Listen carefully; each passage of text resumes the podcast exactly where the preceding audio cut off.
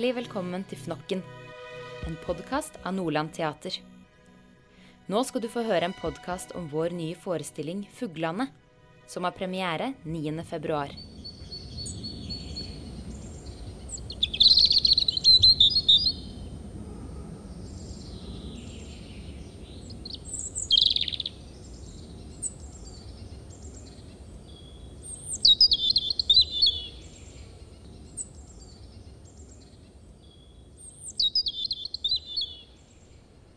Du med et nebb imot stein.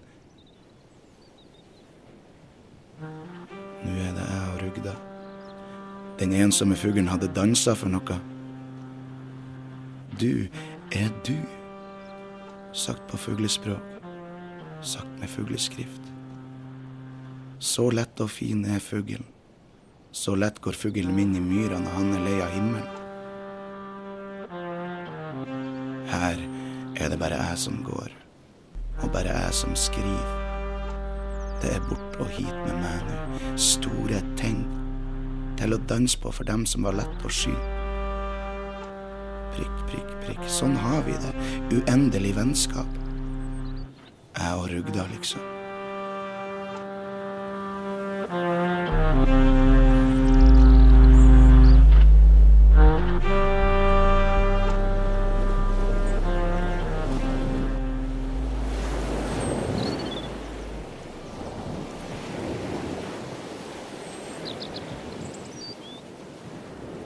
Bygda går han under navnet Tusten. Han er ikke den skarpeste, men å tenke, det kan han. Mattis og søsteren Hege bor sammen i et lite hus, og hun tjener til livets opphold med å strikke kofter. Du er som et lyn, du, med strekepinnene mine. Mattis oppdager at det går et rugdetrekk over huset hans. Fuglene skal sørover, og Mattis henger seg opp i dette. Hva betyr det? Et rugdetrekk rett over huset hans? For Mattis er ikke dette en tilfeldighet, men snarere et tegn, et symbol på at noe kommer til å skje. Camphordrops er Mattis favoritt, og med noen ører i hånda trasker han i ny og ne for å handle hos handelsmannen. Men ørene kommer fra Heges lomme, og hun mener det er på høy tid at Mattis også drar noen slanter inn i felleskassa. Alle monner drar, og han skaffer seg jobb hos en bonde hvor han skal tynne turnips. Mattis har alltid slitt med å arbeide. Han stiller for mange spørsmål. Han tenker for mye, og jobbene blir derfor også kortvarige. Å tynne turnips er heller intet unntak. Det går så altfor raskt, og hakken er vanskelig å håndtere. Mest av alt er Mattis opphengt i kjæresteparet som jobber ved siden av han. Kjærlighet er underlig, synes han. De går rundt og klyper hverandre i leggene. Da han kommer borti jenta, er det som å ta i et elektrisk gjerde. Men Mattis får ikke komme tilbake, og jenta forblir et mysterium. Mattis kan snakke med fuglene. Han kan tyde fuglespråket. En gutt er ute med gevær og skyter en rugde rett foran nesen på Mattis. Rugda ser på Mattis, og han tar den med hjem til Hege. Hege mener at rugden skal begraves, og en opprørt Mattis legger den døde fuglen med bly i vingen under en stor stein. Der skal rugden hvile. Men Mattis mener at det ikke hjelper når rugden først har sett inn i øynene hans. Hva så rugda? Mattis er ute og ror med båten sin, hvor han treffer to jenter. Anna og Inger. De kommer ikke fra samme bygd som han, og er ikke kjent med hans kallenavn Tusten. Jentene gjør intet mindre enn et stort inntrykk på Mattis. Anna og Inger. Anna og Inger. mumler han for seg selv. Han introduserer seg som Per. For de er det det samme om han heter Tusten eller Mattis. De har hatt en fin dag med han uansett. Hege foreslår spøkefullt om det ikke hadde vært en idé å fungere som fergemann i bygda og ro folk over. En begeistret Mattis ror Jørgen over, en tømmerhogger på utkikk etter arbeid. Han får husrom hos Hege og Mattis, og ikke lenge etter finner Jørgen sammen med Hege. Dette setter Mattis ut av spill. Hans eneste medspiller. Kan hun virkelig forsvinne inn i Jørgens armer? Samtidig står det to ospetrær utenfor huset til han og Hege. Hva er det med de trærne? Er det han og Hege? Et voldsomt tornevær er på vei. Katastrofene lar ikke hvile på seg, og et lyn slår ned i en av de tørre ospetoppene. Hvem var det som brant? Han eller Hege? Mattis venter på stillvær og drar ut for å ro. Men kommer han tilbake? Var det han som brant ned med det ene ospetreet?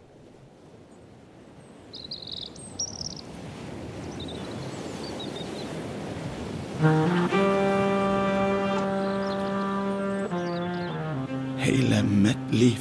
Ikke inn på sånn. Botn. Gressbotn. Sandbotn. Gjørma.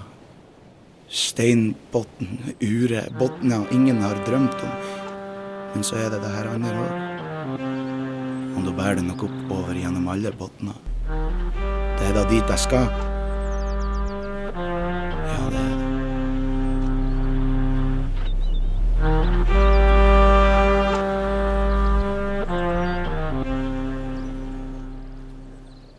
Historien om den litt spesielle Mattis stammer fra romanen 'Fuglane' av Tarjei Vesaas, som ble utgitt i 1957.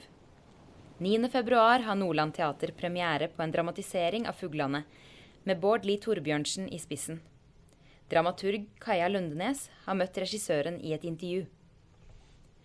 Hei, Bård, og velkommen til Fenokken, romanen 'Fuglane'. Eh, har jo forstått at den har gjort litt sterkt inntrykk på deg i ung alder. Kan du beskrive noen av grunnene til hvorfor? Ja, det, når jeg startet med prosjektet, så var det jo det som var et av de spørsmålene jeg hadde. Hvorfor eh, hadde den engasjert meg i, i sin tid? Eh, det jeg fant ut, var at jeg hadde lest et utdrag først når jeg var, eh, gikk på ungdomsskolen. Og eh, husket det spesielt godt ut fra eh, stemningen og atmosfæren og, og det som skjedde der. Eh, Det tok jeg med meg videre. Sikkert uten å reflektere så veldig mye over det den gangen. Da. Siden leste jeg boka, romanen, når jeg var eh, 20-21 år gammel.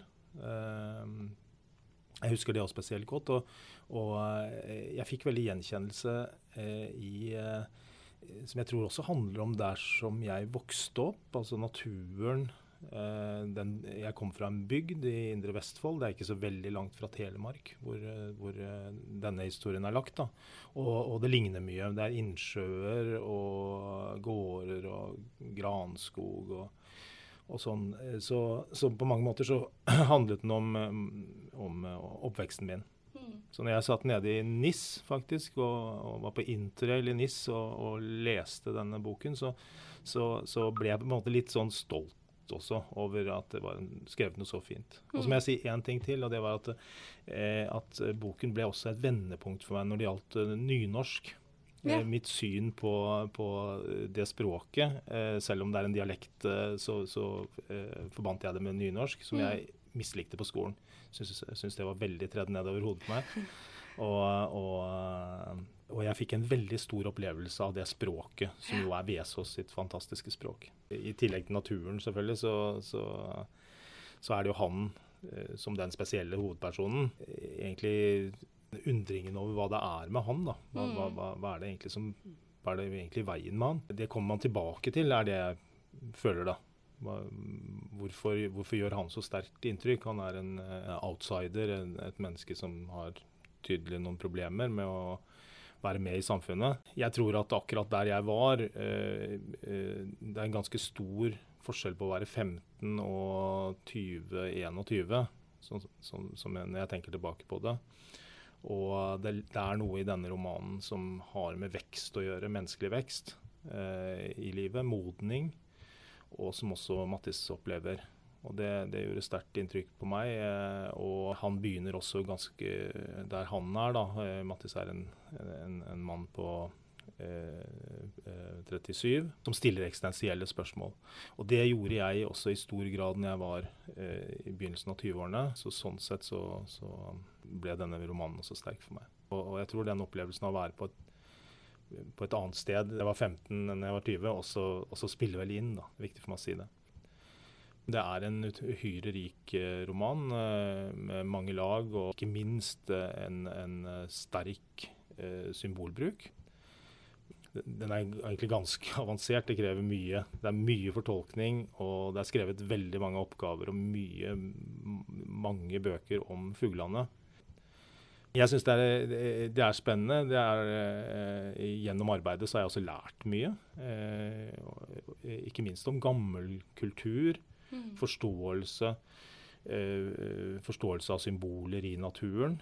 Som jeg også husker at eh, spesielt eldre mennesker, når jeg var liten, så husker jeg at eldre mennesker la betydning da, i naturtegn.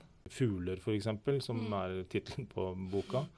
Eh, jeg husker farmoren min snakket om eh, at hver gang det kom en fugl og pikket på ruten, så, så, var det noen som døde. Sånne tegn er en del av, av det, det, som Mathis holder på med mm. i, i, sin verden.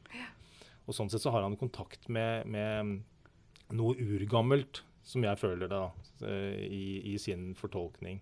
Noe kanskje vi moderne mennesker har uh, gått litt bort fra, syns er overtro. Allikevel, hvis man går ut i, i naturen, så vil man med en gang begynne å kjenne på noen og er litt aleine, da. Det krever kanskje litt tid, litt tålmodighet, men da vil man begynne å kjenne på noe annet enn det vi, vi gjør i, kanskje i vår hektiske, urbane hverdag. Konflikten i dette stoffet er jo Mattis med, hans, med sin situasjon, altså sin verden, og de andre.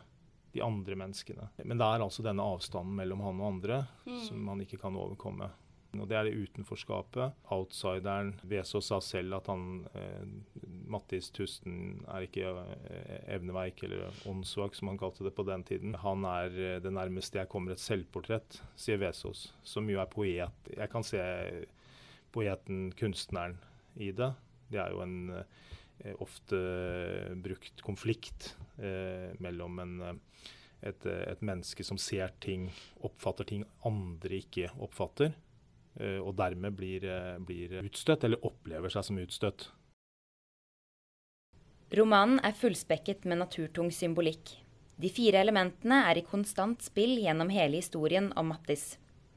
Luft, ild, jord og vann.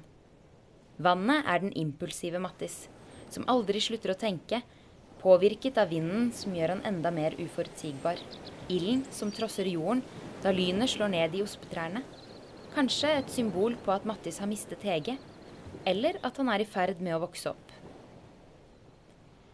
I Nordland Teaters oppsetning har ikke disse naturelementene gått i glemmeboka. Men hvordan står teatret til tjeneste da symbolikken skal transporteres fra bok til scene? Teatret har flere virkemidler å by på når litterær tekst skal oversettes til scenen, som man kan dra fordeler av.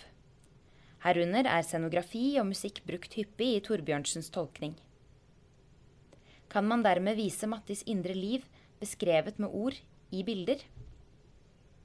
Vi som publikum blir møtt med et drømmeaktig og absurd univers, hvor naturen gjenspeiles i de visuelle virkemidlene. Ofte kan teater vise noe istedenfor å si det. Å overføre et medie til et annet, og især fra roman til teater, vil utfordre de tekstlige informasjonene som dermed oversettes i teatret gjennom billedlige virkemidler. Tydelig inspirert av Vesaas naturbilde velger Torbjørnsen å spalte Mattis univers og tankeverden inn i en scenografi preget av nettopp de fire elementene. Dette åpner opp for et større tolkningsarbeid for tilskuerne, som avdekker Mattis motiver i Vesaas roman. Tarjei Vesaas' roman har blitt tolket forskjellig gjennom litteraturen, og er et godt eksempel på hvordan et verk kan endre seg ut fra hvilken samtid vi befinner oss i. Det har ikke vært til å unngå å trekke Mattis intelligens inn i analysearbeidet av romanen, da Mattis ikke virker til å kunne tilpasse seg samfunnets sosiale normer. Han faller rett og slett utenfor. Romanen, i et moderne perspektiv, skildrer mer en mann som prøver å finne seg selv, både personlig, seksuelt og samfunnsmessig. Som alle andre mennesker jakter han etter sitt fotfeste. Og selv om ikke Mattis ser det selv, finnes den i hans tankeverden, i hans annerledeshet. I dag lever vi i et samfunn hvor et fokus på diversiteten vokser mer og mer, og ikke nødvendigvis alltid vekter negativt. Mattis kan noe som ingen andre kan. Han kan tenke stort om lite og lite om stort. En poet uten sidestykke. I dag skal vi prestere både i det virkelige, men også i det digitale livet. Det kan være lett å miste seg selv i jakten på aksept. Fuglene handler nettopp i høy grad om å akseptere det som er forskjellig fra oss selv. Om å respektere andre mennesker, og ikke minst se de store trådene i vår eksistens. Skal vi virkelig hige etter pepperkakeformen, sånn at vi alle ser like ut når vi kommer ut av ovnen?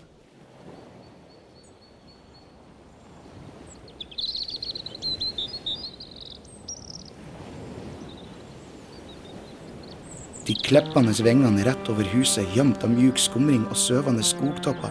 Det kom rugdetrekk til slutt. Det er forskjell på folk.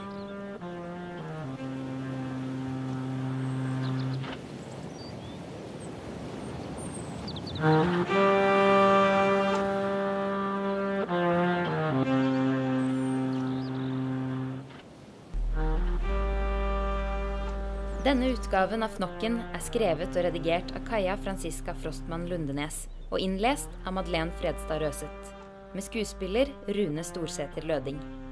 Takk til Bård Lie Torbjørnsen for intervju. Følg oss gjerne på Soundcloud eller iTunes. Takk for at du hørte på Fnokken.